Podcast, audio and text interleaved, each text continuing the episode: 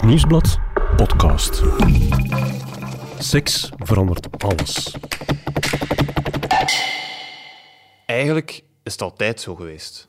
Ja, Het is niet dat ik er ooit een geheim van gemaakt heb. nee.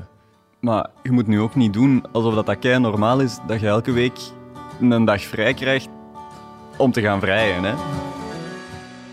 Stel dat je niet met twee bent in een relatie, Ik zie je graag, schatje. Ik zie je ook graag. maar wel met drie. Ja, ik, ik zie jullie ook graag. Dat er een permanente minnaar in het spel is waar je lief op elk moment naartoe kan trekken. Klinkt wat onbehagelijk, niet? Of ook wel spannend. Ik ben Johan Terrein en deze podcast gaat over seks. Over dit, maar vooral ook over dit. Over hoe je seks beleeft in je hoofd. Uiteindelijk kan alleen jij dat weten. En dat maakt het net zo fascinerend. Eigenlijk is seks een spiegel die van alles vertelt over jezelf en je relaties. En de vrouw die ons die spiegel voorhoudt is relatietherapeute Rika Ponet. Zij neemt ons mee naar haar praktijk, waar ze de meest intieme dingen hoort. En na al die jaren is er voor Rika één rode draad die door al die verhalen loopt. De mens zingt het, seks verandert alles, maar dat is uiteraard ook zo. Seks verandert alles. Om niet uit het bed te praten, geeft ze deze echte mensen uit haar praktijk een andere naam en een andere stem. Vandaag hebben we het over Arno en Dave. Ja. Wat voor een relatie hebben zij? Zij zijn intussen 15 jaar samen, waarvan al een hele tijd gehuwd. Dave heeft een carrière in de financiële wereld. En eh, Arno eh, werkt in de zorgsector. Verdient ook een heel stuk minder, maar eh, ja, dat is een beetje de, de combinatie daar. Dit is het verhaal van Arno en Dave. Of beter, van Arno, Dave en Karel. Arno en Dave zijn een gehuwd koppel en genieten elke dag van elkaar samen zijn. En Karel is de minnaar van Dave. De vaste minnaar. Arno weet van het bestaan van Karel. Leuk vindt hij dat niet, maar er zijn duidelijke afspraken over. En na al die jaren heeft Arno het geaccepteerd. Maar op een dag gebeurt er iets wat hun hele relatie op losse schroeven zet. Moet ik het begrijpen dat Arno dat accepteert of is hij er helemaal oké bij? Eh, Hij is daar door de jaren heen oké bij geworden. Er zijn, eh, bij aanvang vond hij dat heel moeilijk, geeft hij aan. Maar hij was dan dermate verliefd dat hij dat ehm, ja, ook dacht van eh, hij zal het wel na verloop van tijd opgeven. Of dat zal misschien toch verdwijnen, Ja. dat verhaal.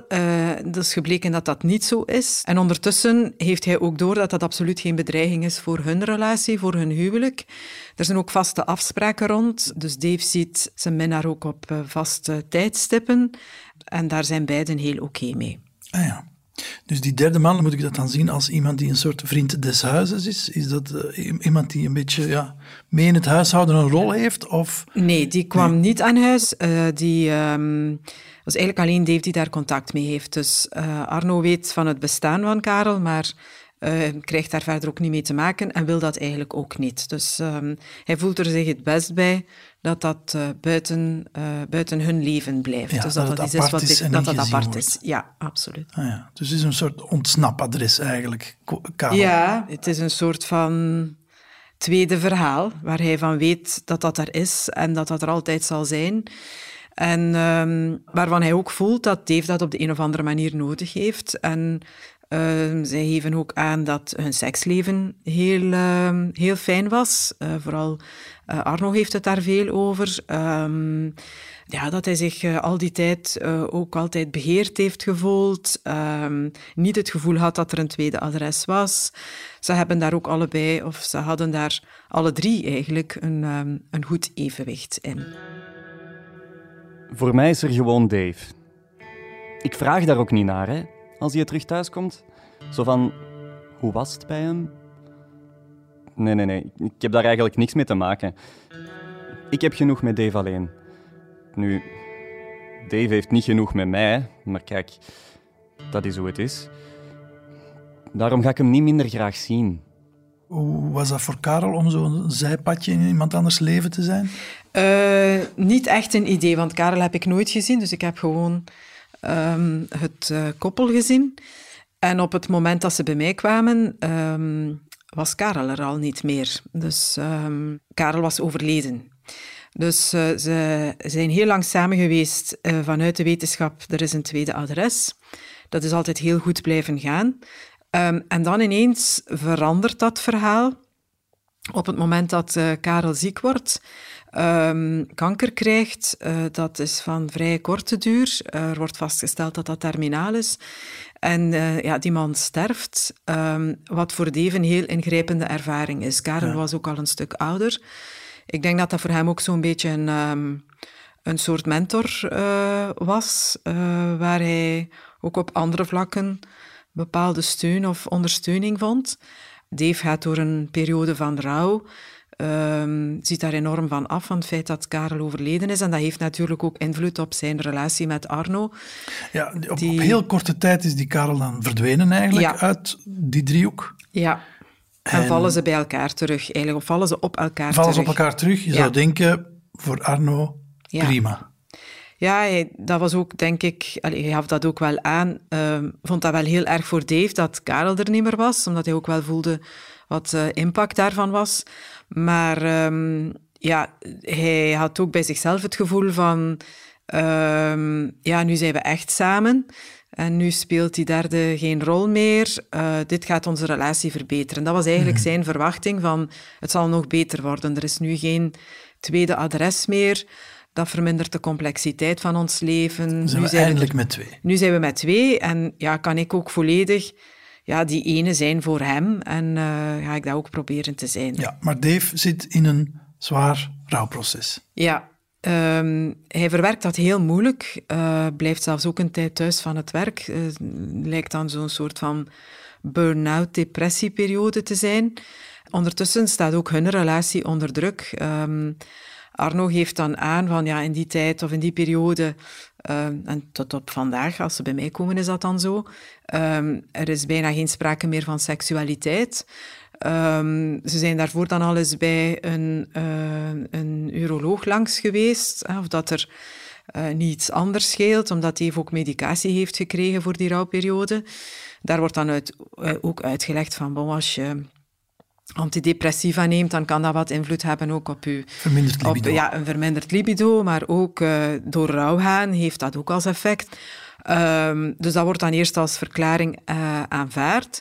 En dan na een tijdje, um, als dat toch beter begint te gaan met Dave, hij gaat opnieuw werken, hij hervindt zo zijn energie, um, verandert toch die relatie niet. Hè. Die afwezigheid van zin in seks uh, blijft een stuk. Arno begint zich daar ook al maar onzekerder bij te voelen, gaat zich daar ook een stukje naar gedragen.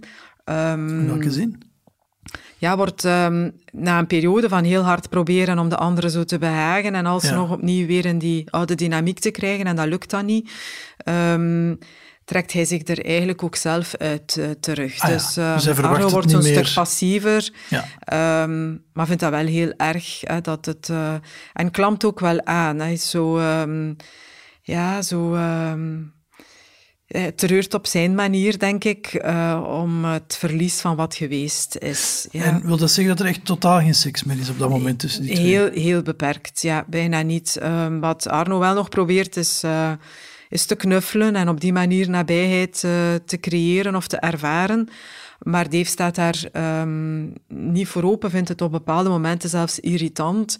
De wijze waarop, en hij noemt het ook zo, dat Arno een beetje aan hem kleeft. Zo. Hij heeft het gevoel van ja, die, die plakt te veel aan mij en uh, ja, die wil mij op een bepaalde manier troosten, maar ik wil dat niet. En, um, dus um, ja, het zit echt niet goed wat de intimiteit van de relatie betreft.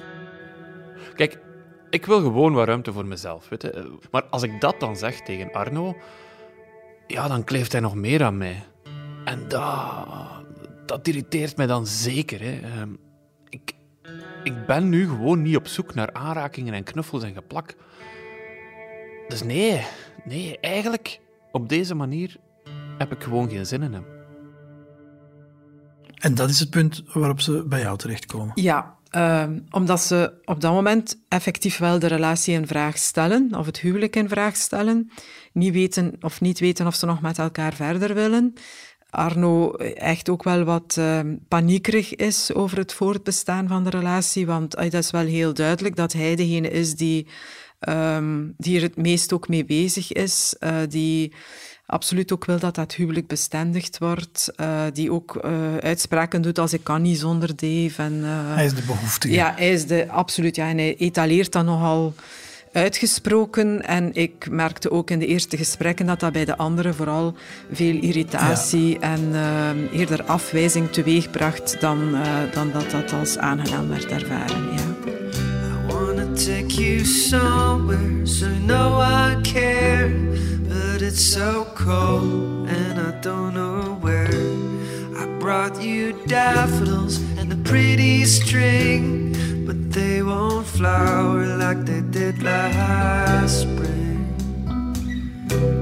And I wanna kiss you and make you feel alright. But I'm just so tired to share my nights. I wanna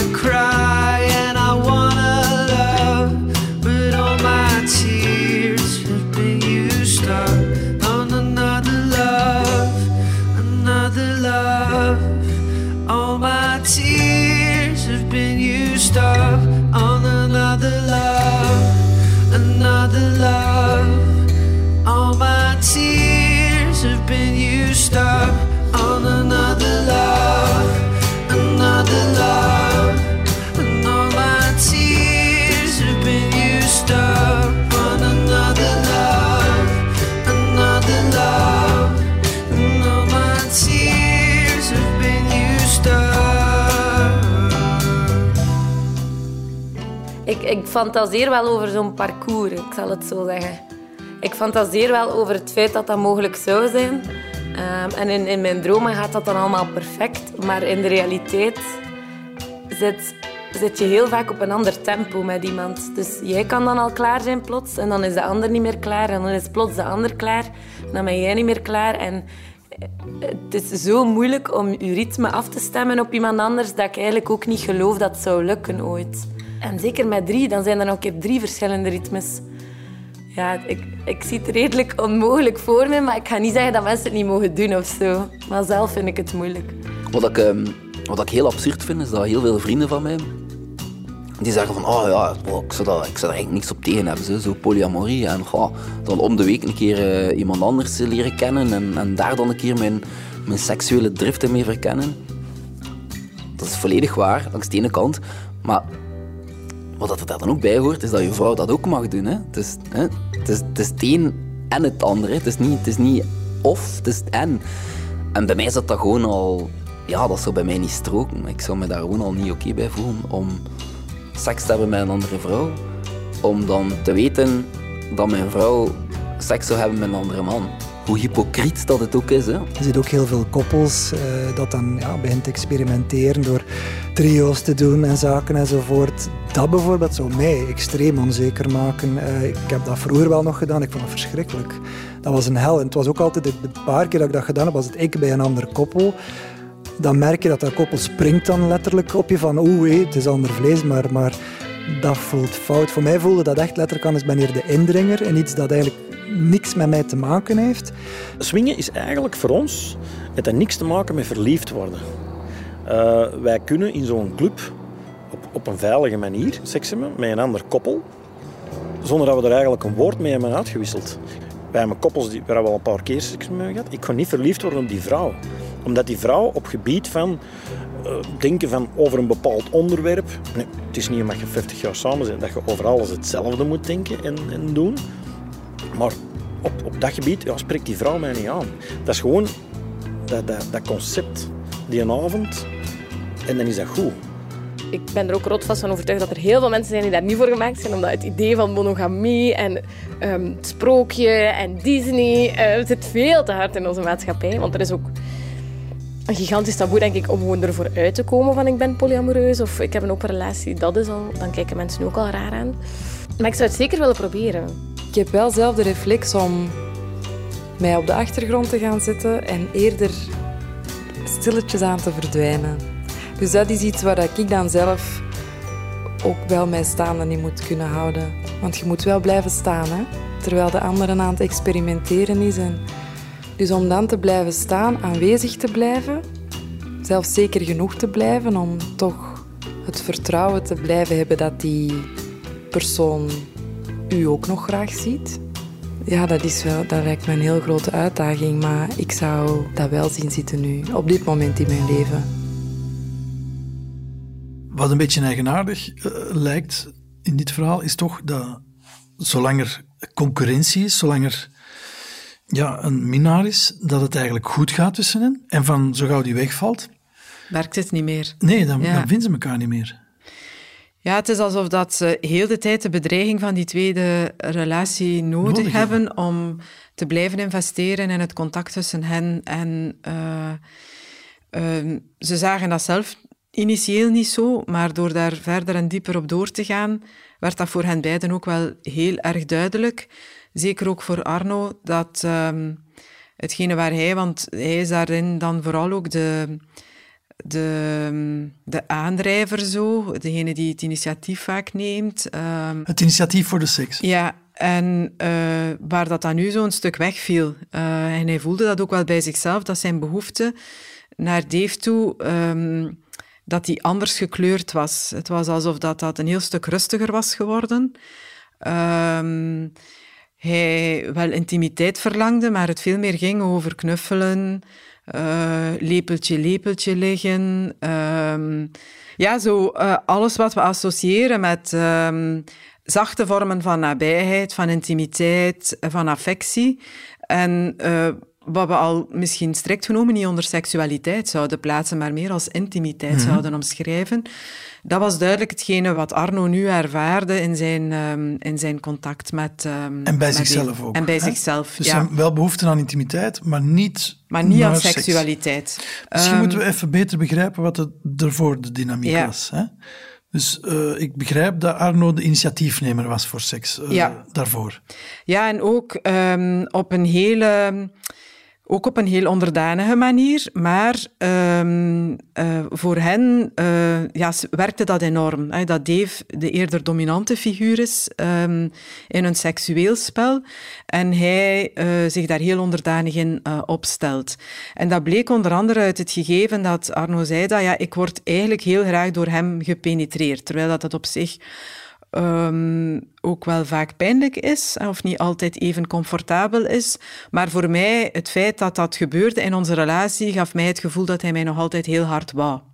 Dat ik voor hem heel belangrijk was. Dus ik heb dat ook nodig, dat dat gebeurt. Ik wil ook dat iemand mij op die manier, op een bepaalde wijze, zo domineert. Mm-hmm. Um, en zodra dat Karel-verhaal voorbij was, had... Um, Arno ook wel door. Ik kan niet meer op dezelfde wijze uh, mij daarin opstellen, mij daarin gedragen. Op de een of andere manier raak ik ook niet meer bij een vorm van energie uh, die ik anders wel tentoonspreid in ons seksueel contact. Ik probeer dan heel pleasend te zijn, hem aan te trekken, hem uit te dagen, uh, hem te teasen.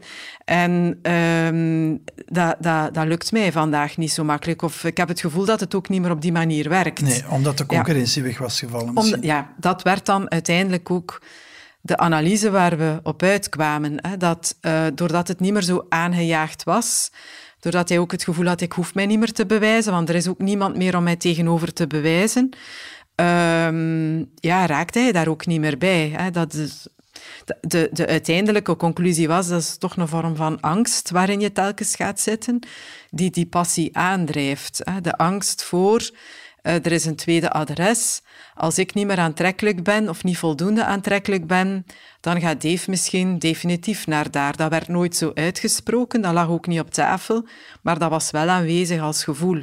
En, uh, dus die angst om verlaten te worden is eigenlijk zijn grootste seksdrive? Zijn grootste seksdrive, absoluut, ja.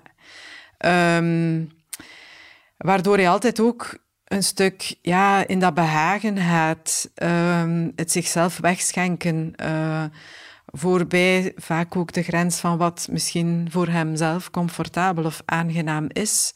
Een manier ook een stuk van uzelf te instrumentaliseren om die relatie eh, gaande te houden, om, eh, om de anderen aan zich te verbinden. Ja. En eigenlijk, ja, die angst valt weg. Ja. En dus, ook die seksdrive. En ook die seksdrive.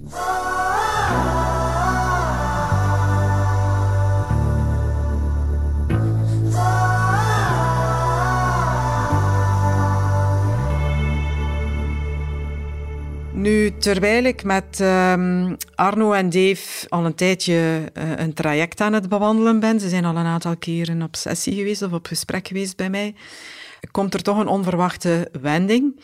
Uh, als Dave, uh, is op zakenreis geweest en hij heeft iemand leren kennen. Uh, Dimitri heet die man. En hij is daar iets mee begonnen. Dus er is een nieuwe derde man? Ja, ze vertellen dat ook direct ehm, in de gesprekken die ze hebben met mij. En uh, vooral Arno is, is heel boos, uh, heel erg over zijn toeren. Ja, hij vindt dat ook totaal onrespectvol. Het feit mm -hmm. dat ze dat al een hele tijd bij mij bezig zijn. Daar toch veel tijd en energie in investeren. Maar ook alles wat hij opgebracht heeft naar zijn gevoel rond dat Karel-verhaal. Al die jaren dat getolereerd en dan ook heel dat rouwproces. Dat hij toch altijd ook gebleven is in niet zo makkelijke omstandigheden. Ja. Arno heeft al veel gegeven, heeft hij het gevoel. Ja, en, um, ja, en dan om dat nu allemaal opnieuw terug mee te maken, ja. um, daar wordt hij heel emotioneel van. Het zit hem hoog. Dat zit hem heel hoog. Ja, hij is boos, maar hij is ook heel emotioneel. Ik ben daar kapot van. Ik snap niet dat hij eerst weken, wat zeg ik, maandenlang mij afwijst. Nee, kom niet aan mij. Nee, ik heb tijd nodig. En dan de eerste de beste die hij tegenkomt op reis, die mag wel aan hem komen. Allee, wie ben ik dan? Ik ben wel zijn vent, hè. Is het voor hem een reden om uit elkaar te gaan? Nee, er zijn op dat moment zoveel emoties die spelen. Um, Dave blijft zo'n beetje zijn coole zelf, brengt dat gewoon binnen, vindt ergens, dat voel je op dat moment heel sterk, dat dat opnieuw zijn recht is van dat te doen. Ja ja, zo gaat het nu eenmaal. En ik, ik kan daar ook niets aan veranderen. Ja, uh, dat is nu op mijn pad gekomen. Ja, waarom zou ik dat uit de weg moeten gaan? Uh, trouwens, ja, we hebben het al gehad. Waarom zou het niet opnieuw kunnen? Dus je ziet dat hij uh, toch heel erg gefocust is op de invulling van zijn behoeftes. en verwacht dat Arno daarin meegaat of daarmee opdijnt zo. Ja. Ja, eerder was al bewezen dat het kon, dus waarom niet? Ja, waarom nu niet opnieuw? Ja. Uh, wat niet wil zeggen dat hij geen, op dat moment geen empathie toont naar Arno. Maar al heel snel wordt ook duidelijk dat dat ook in hun slabakkende relatie een soort van nieuw leven brengt. Ah, dus het seksleven tussen hen ja. herstelt zich. Ja, dat is iets wat ze dan na uh, een sessie of twee, drie melden. Van ja, anderzijds kunnen we wel niet zeggen in de laatste weken dat ons seksleven erop achteruit gegaan is. Hè. Vreemd genoeg, Arno herkent dat ook. Heb ik terug wel weer een stuk die energie of voel ik terug ook weer een veel sterkere, soms een beetje destructievere manier van mij uh, terug te willen verbinden met Dave en die terug te veroveren. En uh, uh, voel ik een enorme behoefte om mij daar weer enorm voor in te zetten. Dus de oude dynamiek is eigenlijk een beetje terug? De oude dynamiek is terug. Ja. En dat betekent dus opnieuw in die onderdanige rol? In die onderdanige rol, in die meer ontvangende rol, die penetratieseks, uh, veroveringsseks ook. Ja, passie is voor hem duidelijk uh, een vorm van verlatingsangst. Dus, uh, en ja, het is ook een stukje gaan over, over zijn jeugd. Hij is heel vroeg zijn mama verloren. en je ziet dat gevoel, affect, dat dat voor hem ja, pas ten volle naar buiten kan komen op momenten dat er ook angst is. Ja, voor hem is dat heel moeilijk om in de veiligheid van een contact, om, um, om, daar, om, daar gevoel, om daar gevoel bij te hebben. Ja, ja. Dus uh, hij, hij, voelt, hij voelt pas echt ten volle op het moment dat er ook angst bij komt. Dat het op het ja. spel staat. Dat het op het spel staat, ja. Guess it's true, I'm not good at a one night stand. Still need love cause I'm just a man. These nights never seem to go to plan.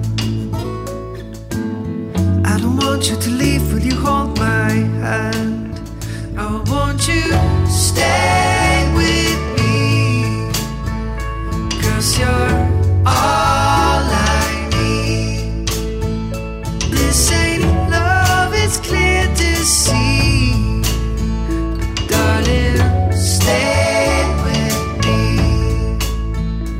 het toen uitgemaakt. Ik was, ik was nog uh, dol verliefd eigenlijk. Ik was, dat was voor mij ook wel een shock, omdat het de eerste keer was dat ik, ja, dat ik zoiets meemaakte. Dat iemand zei van, uh, ik, heb, ik heb iemand anders. Ik vond het ook wel achteraf bekeken vreemd dat ik daar ook mij meteen bij neerlegde. Ik heb daar geen, zelfs niet over gediscussieerd. Of, of nee, ik, ik, kreeg dat te horen en ik, uh, ik stelde het vast en ik was weg. Heel gek. Wat niet wil zeggen dat ik er geen verdriet om had. Hè. Ju juist wel. Uh, ik vond dat, dat was een donderslag bij heldere hemel. Maar goed. Je zit eerst heel lang te vechten. Dan hebben ze zoiets, oké, ik heb besloten, we gaan uit elkaar. En op het moment dat dat dan aangebroken is, zo, zoals je in de film ziet, van hij gaat dan de spullen bij haar gaan ophalen. Dat moment, op een bepaalde manier, zijn de emotioneel toch weer zo aangetrokken. Ik ben al twee keer of drie keer uit elkaar gegaan met mijn vriend. En op die momenten zeiden plots... Allee, ik ben dan plots weer heel verliefd of zo. Of dan wil mijn lichaam letterlijk dat ander lichaam aanraken. Zo. Ik, ik kan dan niet van hem blijven. Terwijl het is heel duidelijk, dat is de dag waarop we uit elkaar gaan. En toch wil mijn lichaam precies naar hem het gekende of het, het nog ene keer of zo. Ja, ik weet niet wat dat, dat is. Ja, ik merk na elke ruzie, ook al wordt die uitgepraat, dat er toch telkens een stukje vertrouwen afgeknibbeld wordt. En dat er daardoor, ja, vind ik dat toch moeilijk om ruzies helemaal achter mij te laten en om, om gewoon met een propere lei terug te beginnen.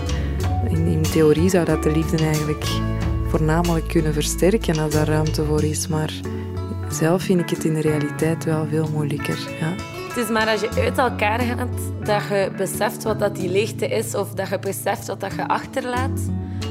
Um, dat is heel moeilijk om dat tijdens een relatie te beseffen. Als je relatie gedaan is, is het gat blijkbaar veel groter dan dat je verwacht had. En ja, om dan dat weer terug te voelen en dat, dat is dan zo veel duidelijker wat dat je voelt. Dus dan ja, het is makkelijker om terug naar elkaar te gaan dan om die andere weg te duwen eigenlijk. Voor mij toch. Ik denk als je er dan uitstaat dat dat niet vanuit een angst is dat je weg wilt van de ene om naar de andere te gaan, maar dat het echt twee liefdes die gelijkwaardig of evenwaardig naast elkaar kunnen staan. Ik geloof wel dat dat kan. Ik heb nog wel dat romantisch ideaal. De driehoeksverhouding. De ménage à trois, zoals we in schoon Vlaams zeggen. Ze spreekt tot ons aller verbeelding omdat er openlijk een derde in het spel komt. Maar komt dat vaak voor? En wat met jaloezie? En hoe breng je dat aan? Kortom, vele vragen die smeken om een antwoord van onze lovehacker. Kaatje, vertel ons over alle hoeken en kanten van de driehoeksverhouding. Doe jij het in mono of in stereo? Die vraag stellen onderzoekers van de Universiteit Gent op dit moment aan 5000 Vlamingen, om te zien hoe zij staan ten opzichte van andere relatievormen dan monogamie. Maar daar is het dus nog veel te vroeg voor de resultaten.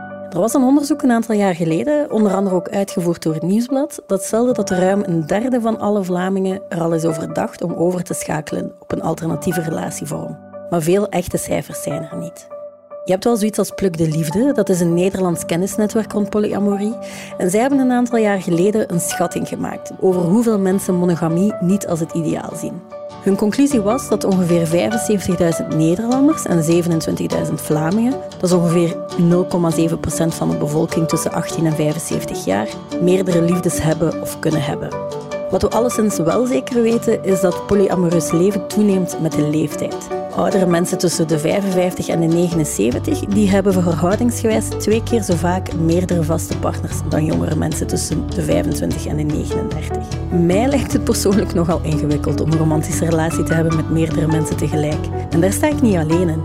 Uit recent Amerikaans onderzoek bleek namelijk dat 32% van de ondervraagden moeite had met de emotionele aspecten van polyamorie. Nog eens 21% zei dat ze te bezitterig waren om hun liefde te delen. Het stigma, dat is dus duidelijk nog wel steeds alive en kicking. Het is ondertussen duidelijk dat Arno niet goed zonder Dave kan. Hè, zich daardoor ook onderdanig opstelt en pleasend. Ja. Uh, maar ik vraag me al heel de tijd af, wil Dave Arno eigenlijk nog? Dat was in de gesprekken heel duidelijk, van wel. Uh, ja, uiteindelijk, ze komen ook allebei in therapie en waren ook heel trouw daarin. Dus het feit dat ook Dave nog absoluut wou investeren in dat verhaal, um, maakte wel duidelijk dat daar, eh, dat daar voor hem ook wel iets belangrijks op het spel stond. Alleen En wat was geeft, dan het belangrijke dat op het spel stond voor Dave? hij geeft dat niet in zoveel termen toe. Hè. Dat Nee. was, eh, het was alsof dat hij dat in eerste instantie deed voor Arno.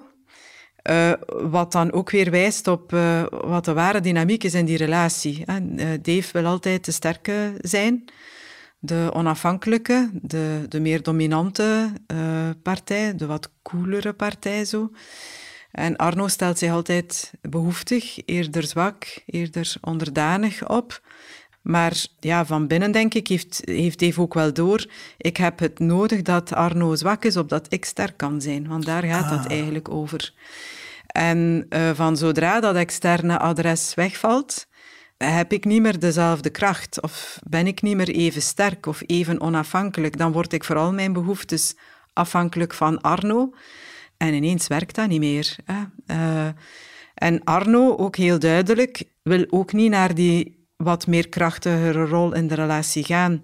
Die wordt al maar docieler, al maar meer afwezig, trekt zich terug, voelt zich al maar kleiner, wil eigenlijk ook in die relatie de onderdanige, de kleine, de, de ontvangende partij zijn. En dat werd ook in hun seksualiteitsbeleving, eh, toont zich dat glashelder. Ehm, Dave penetreert Arno heel regelmatig. Arno heeft dat in heel hun huwelijk nog nooit bij Dave gedaan. Wil dat ook niet. Ja, dus, ehm, Dus daarin zie je heel duidelijk die dominantie. daarin zie je heel duidelijk wat ja, hun beide rol in die relatie is. Ja, want het evenwicht is eigenlijk moeilijk met twee te vinden. dat evenwicht, ja, omdat ze heel onflexibel elk in die rol zitten. In een relatie waarin dat, dat minder vaststaand is, en dat is het toch, eh, als we dan vanuit ideaalbeelden mogen spreken, idealiter wel, dan is elke partij eens de aanleuner en elke partij ook eens diegene waartegen aangeleund wordt. Dus wisselt krachtig, sterk, autonoom zijn af met behoeftig, aanleunend, eh, geborgenheid zoekend. Ehm, en als je dat naar elkaar toe kan geven, dan kan je ook beide rollen flexibel invullen. En dat maakt ook de kracht en de flexibiliteit van een relatie uit. Bij hen is dat duidelijk niet mogelijk. Geen van beiden wil eigenlijk een andere rol spelen dan die rol die ze hebben in die relatie. Of het lukt hen niet. Hè. Laat het ons zo omschrijven. Ehm, waardoor zo'n tweede relatie een absolute noodzakelijkheid is om hun systeem draaiende te houden. Vandaar misschien dat de dood van Karel zo'n schok was omdat er een adres Ja. wegviel. En ook omdat hij dan toch voor zichzelf ook ervoer van... eh, Het blijft toch een delicate oefening en ik ben niet zo vrij van... Want dat was wat hij zichzelf tot dan toe ook altijd had wijsgemaakt. Ik maak vrije keuzes in relaties. Ik sta daar sterk in. Ik ben niet zo behoeftig als eh, Arno. Dus al zijn kwetsbaarheid projecteerde hij op de een of andere manier op zijn man, op Arno. En ja, waardoor dat hij ook vond dat hij zich die, dat andere adres, en misschien ook nog andere adressen, dat is niet aan bod gekomen in het verhaal, eh, vond dat hij zich die kon permitteren. En doordat Karel wegviel, had hij heel goed door, ehm, ja, ik ben daar wel afhankelijker van dan, dan dat ik zelf dacht. Maar ehm, voor hem is dat helemaal geen optie. Om, eh, hij, hij gaf dat ook aan van, ja, dat zal nooit mijn zijn zijn. Ik heb altijd meerdere relaties gehad, zo zit ik in elkaar. En ja, met één man samen zijn, dat is niks voor mij. Nee, Ja. maar het heeft ook een positief effect, hè, want van zo gauw die tweede relatie er is, gaat de relatie met Arno ook een Opnieuw beter. een stuk beter, ja. Eh, en is dat huwelijk een beetje zoals het voorheen was? Dus wat komt daar duidelijk uit naar voren? Ja, ik kan mij geven in het contact met Arno als er een tweede adres is. Ze zijn ook wel gelukkig met die relatie, doen ook veel dingen samen, eh, reizen vaak, beschouwen elkaar ook als, als een volwaardige echtgenoot. Maar het lukt maar om daar op die manier in te staan, eh, voor Dave dan, als er een tweede adres is. En eigenlijk ook voor Arno. Dus in die zin kunnen we wel spreken van een echte driehoeksverhouding, denk ik. Ja.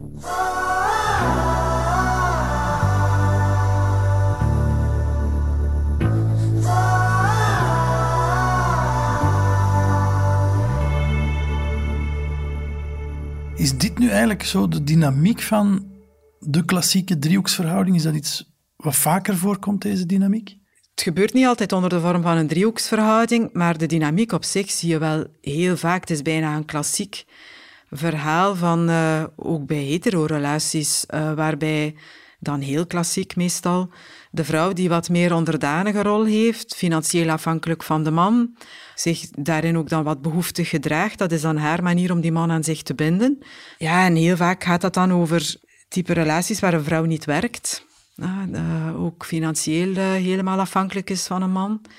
Uh, die man dan heel goed verdient. Dat zijn dan de typische gouden kooien met de grote opritten en de, en de perfect aangelegde groene gazons, waar een vrouw de feestjes mag organiseren, de perfecte gastvrouw is, -hmm. goed voor de kinderen zorgt, de eerste vrouw is en daar ook genoegen mee neemt. En denk ik al van bij aanvang weet, als ze trouwt, dat ze de eerste vrouw zal zijn, maar niet de enige. Ja. Ja. Dus zo uitzonderlijk is dit allemaal niet? Nee, en zeker niet typisch voor holibi-relaties. Ik denk, ja. uh, het is gewoon uh, ja, een dynamiek die we wel vaker zien in relaties. Hoe is het nu met Arno en Dave? Er zijn nog een paar sessies bij mij geweest als het verhaal met Dimitri al aan de gang was. En uh, nadat dat zo bij Arno een beetje ingezonken was, en ze ook merkten dat het opnieuw ook een heel stuk beter ging in hun huwelijk, uh, hebben ze besloten van we gaan dat nu gewoon afwachten en we zien wel waar het ons brengt. Um, en ik heb er vrij recent nog van gehoord en ze zijn nog altijd samen, dus het verhaal gaat verder. Dit was Seks verandert alles, een podcast van het Nieuwsblad. De stemmen waren van mezelf, Johan Terrein, en van relatietherapeute Rika Ponet. De muziek kwam van Pieter Schrevens en de montage gebeurde door Benjamin Hertogs van House of Media. Dank ook aan de Love Voices voor het delen van hun persoonlijke liefdesverhalen. De productie was in handen van Kaatje de Koning en Bert Heijvaart. Ben je fan van deze podcast? Weet dan dat het Nieuwsblad nog heel wat andere podcasts maakt. Ik ben Cedric Lagast, reporter, en elke vrijdag hoor je mij in de Stemmen van Assise, een true crime podcast waarin we jou meenemen achter de schermen van de rechtszaal. Zeker eens luisteren.